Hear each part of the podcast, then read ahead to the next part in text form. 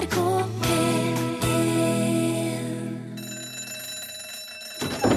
Ja, nå er det lunsj! På en del primstaver så står det i dag i halv sol, og det er fordi at det været du har nå i dag, det skal angivelig holde seg i 40 dager nå framover. Ja. I så fall håper jeg du kom bedre ut av det enn jeg gjorde i dag, for her er det snø og slaps en plussgrad og litt sol, da. Rehab, Amy Winehouse, Lunsj, NRK P1, Torfinn Borchhus. Rune Nilsson. For noen uker siden ble det kjent at Slottsfjellfestivalen i Tønsberg forbyr selfiestang på festivalen. Ja, stemmer det. Ja. Fra før har jo også konsertarrangøren Live Nation forbudt pinner på sine show. Ja. Live Nation det er jo de som har vel de, de aller fleste av de sånne store kanonene. Jeg er ikke dem som egentlig eier billettservice. Er det det òg, ja? ja? Det tør ikke jeg si, men, Nei, det, men det er jo en slik ja. veldig mange av de der store artistene når de kommer, da er det Live Nation. Ja, Det er vel egentlig svensk. Så det betyr at det er ganske mange konserter hvor du ikke får lov til å ha selfiestang. Og nå har det også blitt forbudt på en rekke amerikanske museer, som eksempel Museum of Modern Art i New York, Ja. Smithsonian i Washington og Getty Center i Los Angeles. Mm. Det er forbudt. For ordens skyld, bare nå, i tilfelle du ikke vet det, så kan jeg fortelle at en selfiestang, det er ja, Det er en slags teleskopstong. Da. Det, er, en pinne, en lang pinne, som man eh, fester mobiltelefonen fast i enden på. Og så peker han, peker han telefonen mot seg sjøl. Og så kan du altså ta bilde av deg sjøl på en sånn drøy meters avstand. Før tok jo folk bilde av ting de så. Nå tar folk bilde av seg sjøl mens de står foran ting. Det er, jo, Ja. ja. det er ikke nok lenger med et bilde av Geirangerfjorden. Det må være bilde av et tryne med Geirangerfjorden i bakgrunnen. Ja. Mm. Eller Eiffeltårnet. Eller Taj Mahal eller Empire State Building, Big Ben, Brandenburger Tor. Alt sammen i bakgrunnen. Ja. Og det er vel det folk driver med på Smithsonian nå. tenker jeg. De tar bilde av seg, seg sjøl, da.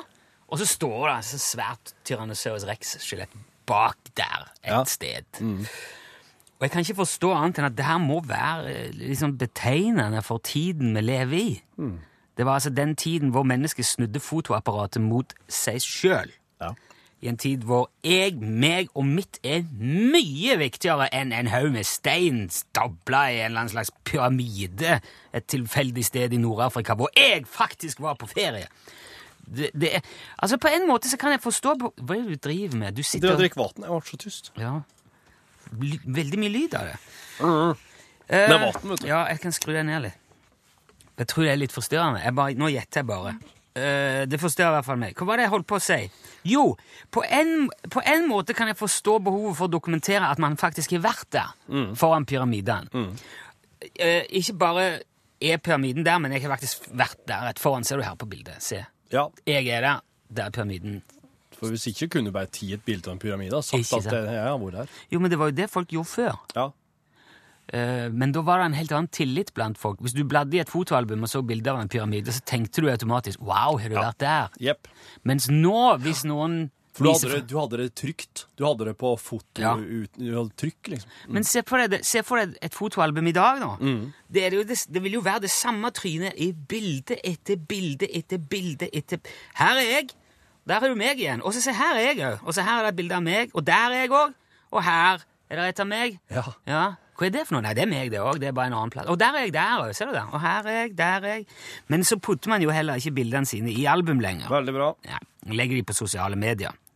For det er øyeblikkene som teller nå. Og likes, ikke minst. Du må ha likes, og det er en bekreftelse på deg sjøl. Altså, det er et klapp på skulderen til meg, som er så flink og smart og fin og bereist og smart og flink og fin og bereist. Eh, hvis man sjøl ikke er i bildet, så er det jo pyramiden som får likesen. Og hvordan skal du med det? Liksom, de har vel fått likes nok i flere tusen år, de pyramidene. Ja. Ja, så det er jo ikke akkurat noe poeng i det. Så hvis man skal For å få med hele pyramiden og seg sjøl, så må du nesten ha en pinne å feste kamera på. ja. Og hvis du skal få med hele scenen og Bruce Springsteen i bakgrunnen på konsert, så må du nesten ha en pinne. Ja, Er det så vanskelig å forstå?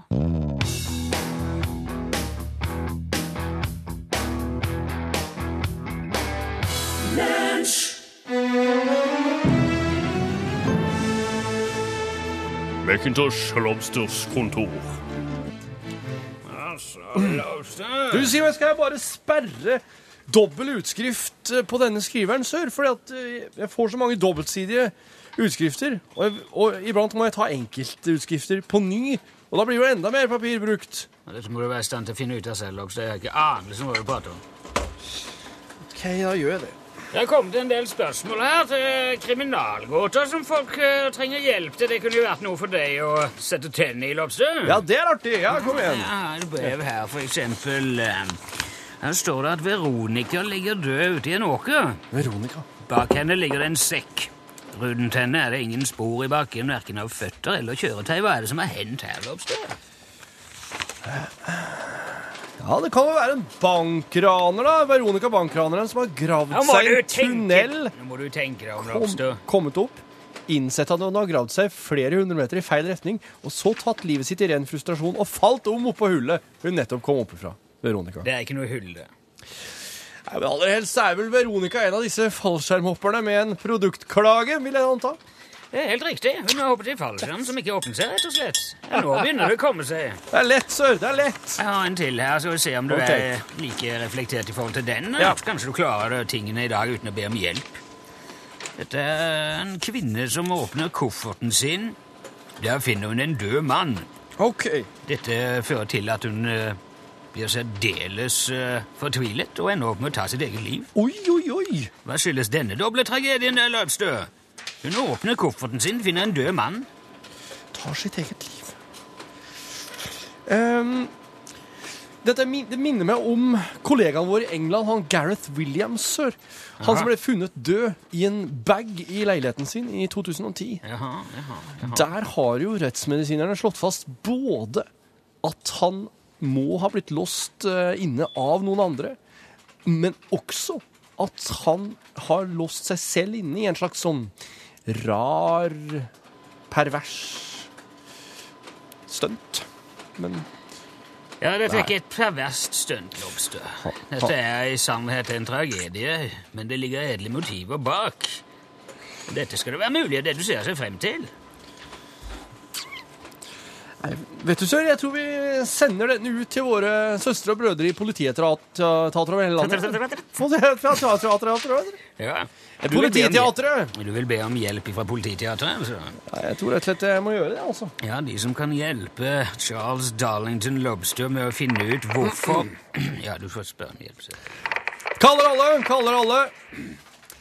En kvinne åpner kofferten, finner en død mann, hvorpå hun tar sitt eget liv. Hvorfor? Hva har skjedd? Eh, for å komme i kontakt med oss, send innspill som SMS. L, ditt svar, navn og adresse til nummer 1987. Hvis du foretrekker e-post, bruk L, krøllalfa, nrk.no. Ja, Du får få litt eh, betenkningstid mens vi tar en kopp te her, da, Lobster. Absolutt. Ja.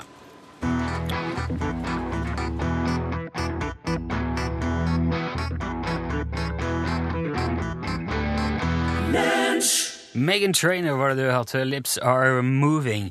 Jeg ramla over en historie i dag Ja. om eh, Henrietta Lacks. Ikk- ja uh, Ikke laks, men uh, L-A-C-K-S. Henrietta Lacks. Lax. Ja. Hun ble født i Virginia i USA hun i 1920. Vokste opp med besteforeldrene sine. Så gifta hun seg etter hvert med fetteren sin David. Okay. Det var ikke så uvanlig før. Flytta til Maryland, begynte å dyrke tobakk. Fikk fem barn. Ja. Men etter at uh, yngste barnet deres ble født, så fikk Henriette liksom blødninger og smerter under livet. Jaha. Så dro til legen og tok en del prøver som påviste krefter. Wow. Og under en av de undersøkelsene så tok legen og kreftforskeren George Otto Gray flere vevsprøver fra uh, Henriettas svulst, kreftsvulst, Ja. uten at hun visste om det, eller hadde gitt noe samtykke.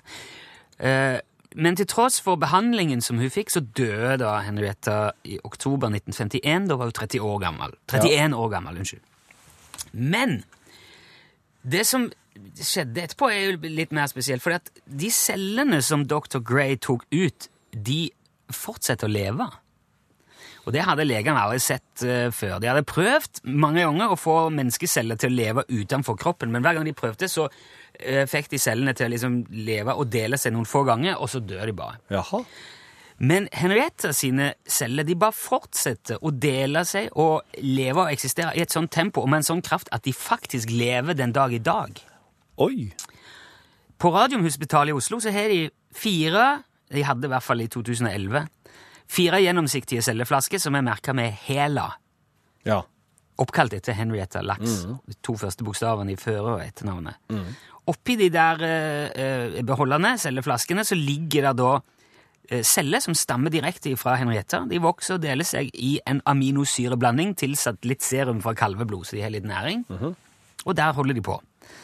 Så det er veldig spesielle og ganske spektakulære celler, altså. Og fordi at de er i stand til å vokse og dele seg i et laboratorium, så kan forskerne eksperimentere med alt mulig på de cellene, da. Ja. Og bare noen få år etter at Henrietta sjøl døde, så bidro de cellene hennes til å utvikle poliovaksinen. Jaha, jaha. Og det var, det var eh, ved hjelp av akkurat de cellene, for da, da, du, da kunne de teste det ut. Oi, så bra. Etter det så har cellene blitt satt i masseproduksjon. De har blitt dyrka og solgt over hele verden. De brukes i kreftforskning, aids-forskning. De brukes til å teste virkning av radioaktiv stråling, giftstoffer. De har til og med blitt sendt ut i verdensrommet for å bli testa for vektløshet og, og den slags. Og nå er det snart eh, 64 år siden Henrietta sjøl forsvant, men siden den gang har det blitt dyrka fram over 50 millioner tonn med HeLa-celler. Wow! Så det er over 50 millioner tonn Henrietta-celler rundt forbi i verden. Og i ettertid så har det blitt funnet flere sånne udødelige cellelinjer. Men det er ingen av de som er så sterke som Henrietta sin. Og derfor eh, og det er ganske, De er helt spesielle, de cellene hennes. og Derfor så tok forskere kontakt med familien hennes sånn tidlig på 70-tallet. Og så eh, spurte de om de kanskje kunne få ta noen DNA-prøver for å se om de kunne finne ut hvorfor at hennes celler var så spesielt bra. Og da, først da, fant familien ut av dette. Ah. De visste ikke. For som sagt, han hadde jo ikke fått noe samtykke, han her legen, og derfor prøvde han også å holde hun anonym Ja. med å bare kalle det Hela. Men det, det ble kjent etter hvert Ja. hvem som eh, sto bak, eller hvem som var opphavet til cellene. Ja. Og da familien fant ut dette her, så ble de ganske stressa. Oh, ja. Det var ganske enkle folk, Ja. uten kanskje de, den voldsomme utdannelsen og Ja. De levde under enkle kår, da. Ja. Og spesielt dattera, Deborah, hun syntes det var veldig skremmende og tenkte at hvis folk skal nå drive og forske og sprute, injisere disse cellene både her og der, hvordan i all verden skal mor da få fred noen gang? Ja, ja, Sende henne opp i verdensrommet og ja. Så hun syntes det var ikke noe særlig hyggelig, da. Det er vanskelig, dette her. ja, og hun var òg redd for at hun skulle plutselig treffe på kloninger av mora på gata. Ah, ja. Hun begynte å bli sånn, litt sånn redd for de tingene. ja. Og eh, cellene til mora Deborah, eller til Henriette, har altså blitt milliardindustri, men fortsatt har familien ikke råd til helseforsikring. Er det sant? Ja.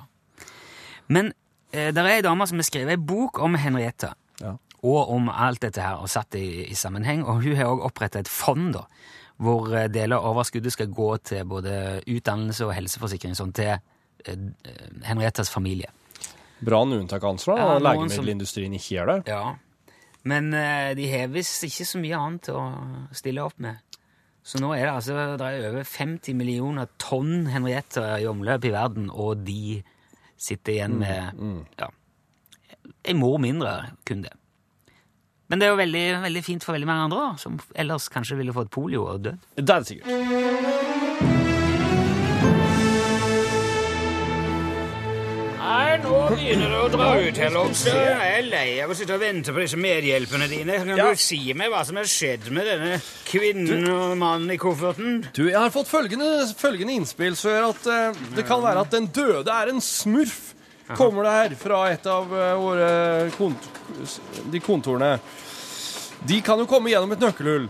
Kofferten tilhører ikke kvinnen, men derimot Geir Børresen. Han har drept smurfen på vei til jobb. Hvor er, er det nøkkelhull i kofferten, Lobster? Nei, det er jo ikke det. Det er som regel kodelås på disse Helt riktig. koffertene. Jeg vil anta det er det. Dermed kan Og- det ikke være noe annet enn feil, dette. Um, Det har også kommet inn et forslag her fra Nils, betjent Nils. Hun har drept ham, men finner ut at hun har putta han i feil koffert. Den rådyre Gucci-kofferten. Den er selvsagt ødelagt, og hun tar sitt eget liv. Jaha. I sorg over Gucci-kofferten. Ja, nei, det er faktisk ikke kofferten som er uh, bakgrunnen for dette. her. Det er en ganske enkel forklaring. Også. Men uh, lensmannskontoret på, i Battensfjordøra, uh, der betjent Egil Magne jobber, har sendt følgende forslag. Den Altså, det er jo en, en kvinne åpner kofferten sin, finner en død mann og tar hvor, hvorpå hun tar sitt eget liv. Ja. Han skriver Den døde var en venn. Merkelig mer stille. Den døde var en venn. Han gjemte seg i kofferten og sjekket inn som bagasje på flyet da han ikke fikk utreisetillatelse. Ingen oppvarming i bagasjerommet. Han fryser i hjel. Sort caps, skriver Egil Magne. Hva tenker du om dette, sør? Eller hva tenker du om den, at jeg stenger den lyden der? Jeg vil meg på en Nei, det var Nettopp. ikke. Den der lille ringledingselsaken? Det er helt riktig, Lobster. Selvsagt. Det er en tragisk historie hvor eh, vennen til eh, kvinnen ikke får utreisetillatelse fra sitt eget land. Han er kanskje også såpass god en venn at vi kan si at de er en slags intime? Ja, Det skal jeg ikke se bort fra i det hele tatt, men det kan også være et rent pragmatisk, eh, praktisk, eh, platonisk forhold. Ja. Dertil er dette ikke relevant. Det som er relevant, er at for et forsøk på å smugle ham ut av landet, sjekker hun ham inn som bagasje på flyplassen, og mannen fryser i hjel i flyets lasterom. Det er helt riktig. For lasterommene har nemlig ikke oppvarming. Nei, de har ikke det. Vet du, sør, da, eh, da anser jeg saken som løst. Du kan sende det videre til eh, det etterspurte kontoret. Jeg sender en sort caps til eh, betjent Egil Magne. Nei, Det er det hyggeligste jeg har hørt på lenge. Det, nå er det straks lunsj, forresten. Ja. Kan ikke gjøre så mye her før uh... Skal du sette på musikk? Ja, jeg kan godt.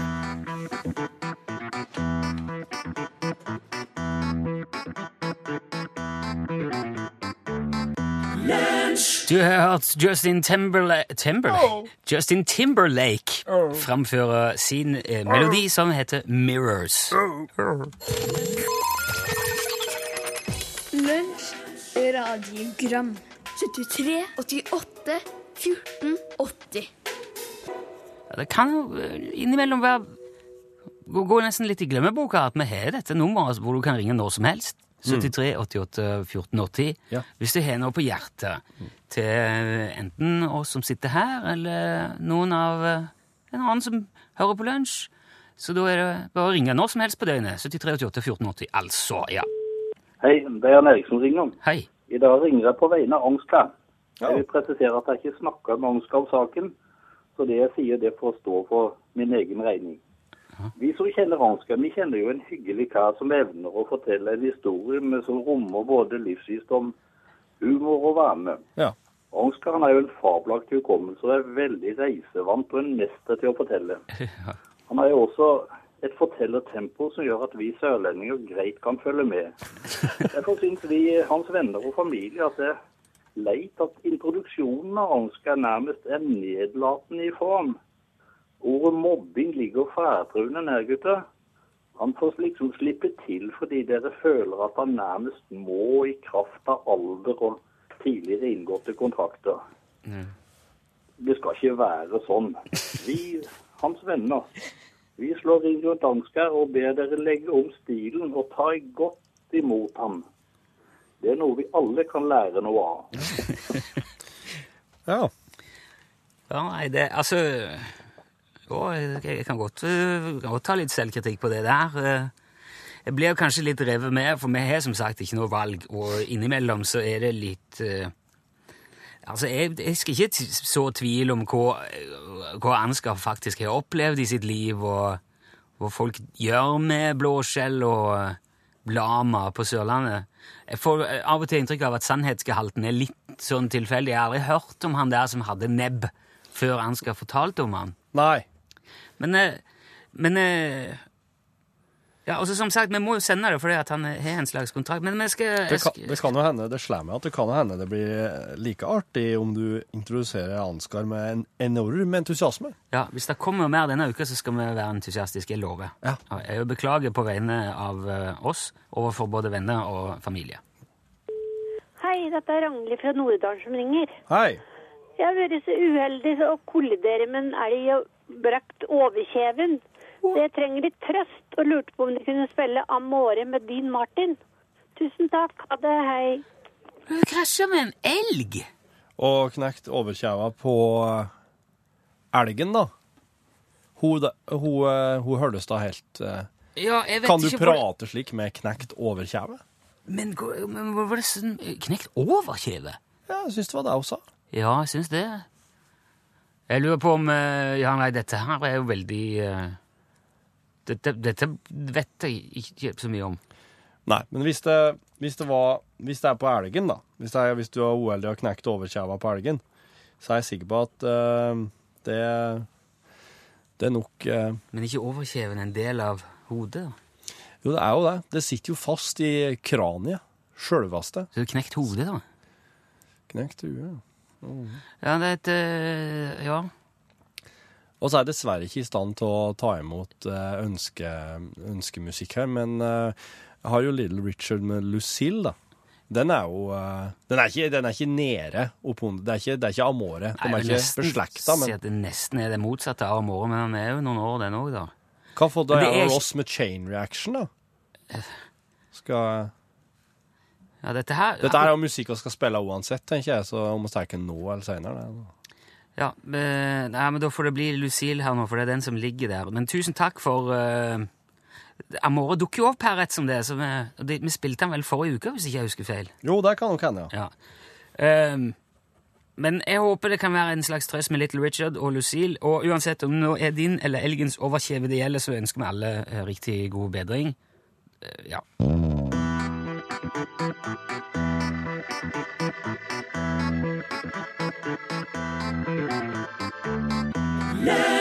Det var Lucille, Little Richard, til alle med eh, skade på overkjeven. Se for deg at du er en arkeolog nå, som er i eh, staten New Mexico i USA, og du bare Dette her er 1933, forestill deg. Ja, det var lett helt fram til det. Ok, jeg skal prøve. Ja, Og du bare passer dine egne saker, ikke sant? Helt til det kommer en kar borte og sier at han har noen skal vise deg. Da går, jeg, går jeg rundt og leter etter jeg er i naturen? Jeg tenker du er liksom i Santa Fe. Santa Fe? Santa Fe. Yeah, right. Kanskje du er på tur på å kjøpe et eller annet. Sier en Du, arkeolog, jeg har noe jeg skal vise deg. Kom her. Og du ser, ikke? Ja, fyren har bukser på seg. Greit. Har jeg pistol i beltet? Ja, det har jeg. Da kan jeg bli med og se.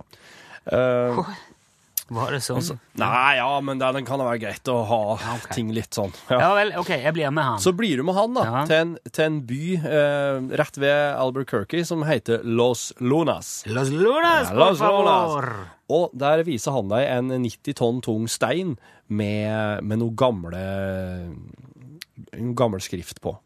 Greit. Åh. Ja, okay. Det her er Så sånn type ja, ja, helleristningsaktig? Ja, ja, det her er jo en arkeologmat. Eh, det skjedde med professor Frank Hibben i 1933.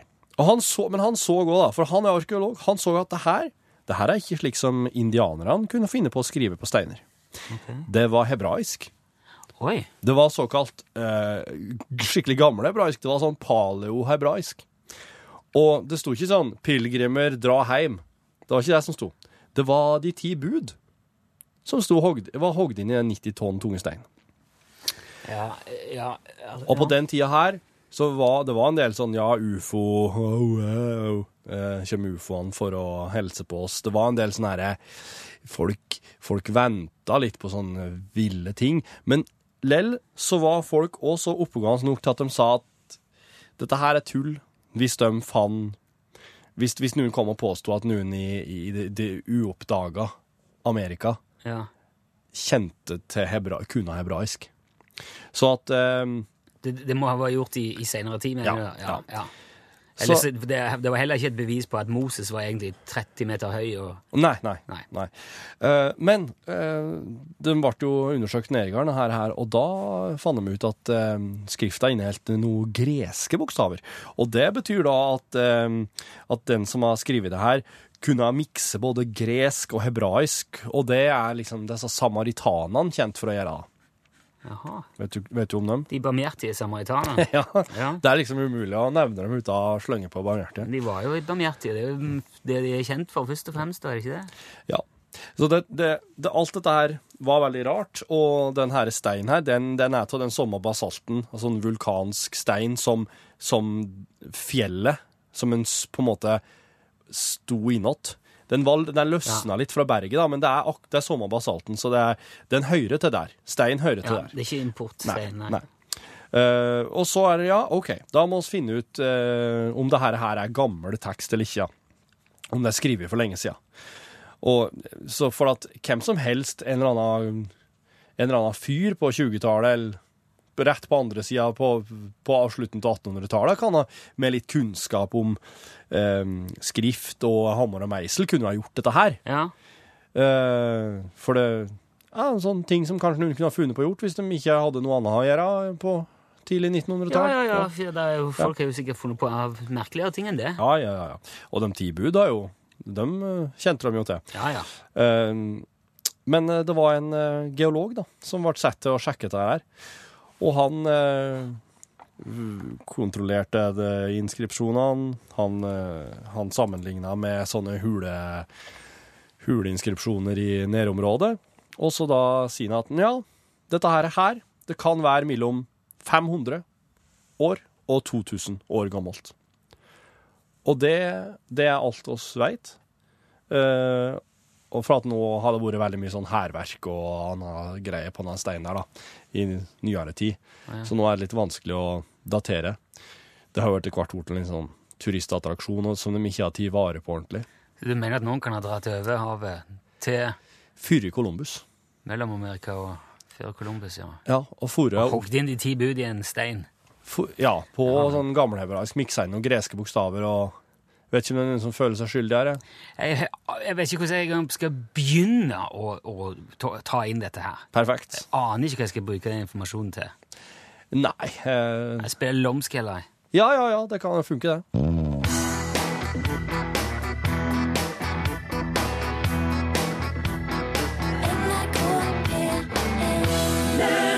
Lomsk som å komme hjem. eh, Fått, fått litt kjeft nå på eh, SMS av eh, Hans Olav angående en barmhjertig samaritan. Oh, ja. For det samaritaneren var ser jo i utgangspunktet ikke så veldig barmhjertige, da. Nei. Er derfor Jesus brukte de i denne lignelsen i Det nye testamentet. Ja. Lukas kapittel 10, vers 25-37. Ja. En anekdote om en mann som blir overfalt av røvere mellom Jerusalem og Jeriko. Og så blir han hjulpet av en samaritan, til tross for at de egentlig De ble sett på litt som sånn Ja, ikke så kule, da. Det er akkurat som en standhaftig tinnsoldat. De var jo ikke det, de andre. Ikke helt det Så samme, han- men han var. Ja, ok. Så- Men det er bare en presisering da. Det var litt lemfeldig omgang med bibelsk informasjon der. Beklager det. Vi er ikke autoriteter på tematikken, noen av oss. Nei, akkurat. Nå er det på tide med litt quiz. Nå er det Gjett rollefiguren-quizen her i Nei, det er ikke det det heter. Det heter Gjett uh, hvorfor det det var. Jo, Gjett rollefiguren er det faktisk. Ja, å ja, ja, ja! Ja. Altså, vi skal til filmverden hvor um... Ja. Jeg leser opp uh, han som fikk rolla, eller han eller hun som fikk rolla, og han eller hun som fikk tilbud om rolla. Og så skal du gjette hvorfor en rolle eller hvorfor en film eller serie det er. Jeg mener å huske at Sist gang vi gjorde dette, her, så klarte jeg alt. Du klarte det. Det er helt riktig. OK. Ja, det. Hør her nå. Jason Alexander fikk til slutt rolla. Men det var Paul Shafer, orkesterlederen i The Leatherman Show, som fikk tilbud om rolla fordi han ligna så innmari på serieskaperen sjøl. Shafer trengte ikke engang å gå på prøvespill for å få rolla. Han måtte bare takke ja. Nå heter jo ikke det programmet The Leatherman Show. The Letterman Show. Letterman Show. Letterman Show. Ja, Leatherman Show. Det er et program om kniver. ja, Multiverktøy. Ja, Multiverktøyprogram. Hvem var det som fikk han opprinnelig, sa du? Eh, Jason Alexander. Jason Alexander som eh, Og Paul Shafer, ja. Ja. For han ligner så på serieskaperen. Ja. Uh, uh. For du, Jason Alexander er liksom den i serien som fyller rolla til serieskaperen. Ha, serieskaperen logga en serie som der han så for seg seg sjøl som en av dem, egentlig. Er det Simpsons? Nei, kan ikke være. For det bare stemmer. Er. Nei, vet du hva? Dette her vet, dette vet jeg ikke. Det kjenner jeg at jeg ikke vet. Og da får du sur fele på Ja, den. ja, men det skjønte jeg jo. Behøver ikke Ja, TV-serien er Seinfeld, og uh, rolla er George Costanza. Altså kompisen til Jerry Seinfeld. Oh. Ja. ja, nei, den så jeg ikke komme. Nei. OK. Eh, Paul nye. Schaefer som uh, George Costanza, det hadde ikke, det hadde ikke vært noe. Det hadde ikke vært noe, altså. Nei, OK, ny en. Tror ikke vi rekker mer. Rolla gikk til Daniel Craig. Men egentlig så James var Bond! Ja! James Bond! Jo, men eh, Ok, hvem var det som egentlig, hvem var det som egentlig skulle få? Hugh Jackman. Altså Hugh Jackman som i Wolverine i X-Men. Jackman. Det er mye obskure angloamerikanske referanser her nå. Jeg vet jo hvem han er, han med neglene. Han med kinnskjegg og australsk og kjekk og tøff. Sier du at Craig uh, Hansgrims Han har ikke uh, Craig kinnskjegg. ikke er kjekk? Han er, han er Ja, han er kanskje ikke Han er kjekk på sitt vis. Ja, nei, her, nå er, vi, nå er du ute Apropos på kjekk, her kommer Pål Plassen. Nå er du under tynn is. Ja, Eh, det er store sko å hoppe i. skal oss bare nå uh, Ta en til hvis du har. OK. For nå kommer Pål her, kan Pål være med og gjette. Ok. Jodie Foster endte opp med denne agentrolla, men det var Michelle Pfeiffer som fikk tilbudet fra regissøren først. Jodie Foster endte opp med, med, med Denne her agentrolla. eh, eh, det var, vet du hva det var? Ja, nei, Nei. jeg veit det, ja. Jeg aner ikke. Nei, det er Silence of the Lambs. Yes, det er Nattsvermeren! Nattsvermer. Agent Clarice Starling. Ja. Er det noe som Hva er skjer det med slags lyden? lyd? Det er en slags Ja, det er noe galt med Pål sin eh, mikrofon. Snakk i den der heller, på- Pål. OK, ta den her, du. Hallo, hallo. Den er bra, sjø. Nei, Du må bare det fiske den. Den, er- den heter Fi... Okay. Nei, jeg beklager dette, det skal vi få ordna opp i. Hvis det er støy nå, så er det pga. mikrofonen til Pål Plassen. Som ikke takla røsten min. Altså at det bare blir for mye for kompressoren her. Ja, rett og slett. Hvordan, eh, hvordan står det til, Plassen? Jo, det går bra. Skal du snart på lufta med et eh, program, du, Noel? Ja, jeg tenkte at jeg skulle ta over eh, her. Hvordan føles det? Åh, fy søren, det føles så bra, altså. Ja. Er det et sportsintervju der? ja. Eller har du noen forventninger til dagens sending? Jeg syns det er en god dag på jobben. Er det ikke det de pleier å si? Når de står der, og så eh, får de samme spørsmålene på nytt og på nytt. Ja, det gjør de. Det var godt å kjenne at kroppen fungerte. Hvordan har du forberedt deg til dagens sending? Um, høydetrening, selvfølgelig. Mentalt. Vil du si at du er prikka inn formen til dagens sending, eller er du liksom jevnt satt deg mer på det jevne Eh, nei, det er vel en, Er en form- formtopp? Jeg har en formtopp. Ja, du har det, ja. Ja. Så dagens sending, dagens norgesklasse, blir altså en av de sjeldne. Sjelden gode, altså. Ja, wow. Rett og slett. Ja, det gleder jeg meg på. Eh, Det er mye man kan lure på, forstår jeg, men jeg må spørre dere da. Vet dere hva pålegg er på engelsk? Onput. Onput? Yep. Ja. Det er ditt forslag? Torfinn? Jabe, brickleve. Nei, det er onput. Altså, det finnes Pålegg? ord og uttrykk som er om ikke umulig, så veldig vanskelig å oversette fra norsk til engelsk. Smearbird things. You know, like uh, smørbrød accessories. Nei, det er vanskelig. Bread slice stuff. Breadfilsk. Se der. Derfor så skal vi få besøk både av en som er oppvokst i et engelskspråklig land, og som samtidig jobba som professor i kulturforståelse, og kan hjelpe oss eh, i sakens anledning. Professor i kulturforståelse. Og så har, du ikke en programleder som er glad til pålegg. Å, elska pålegg. Og Pål Ja, der sa han et sant ord. Hør flere podkaster på nrk.no podkast.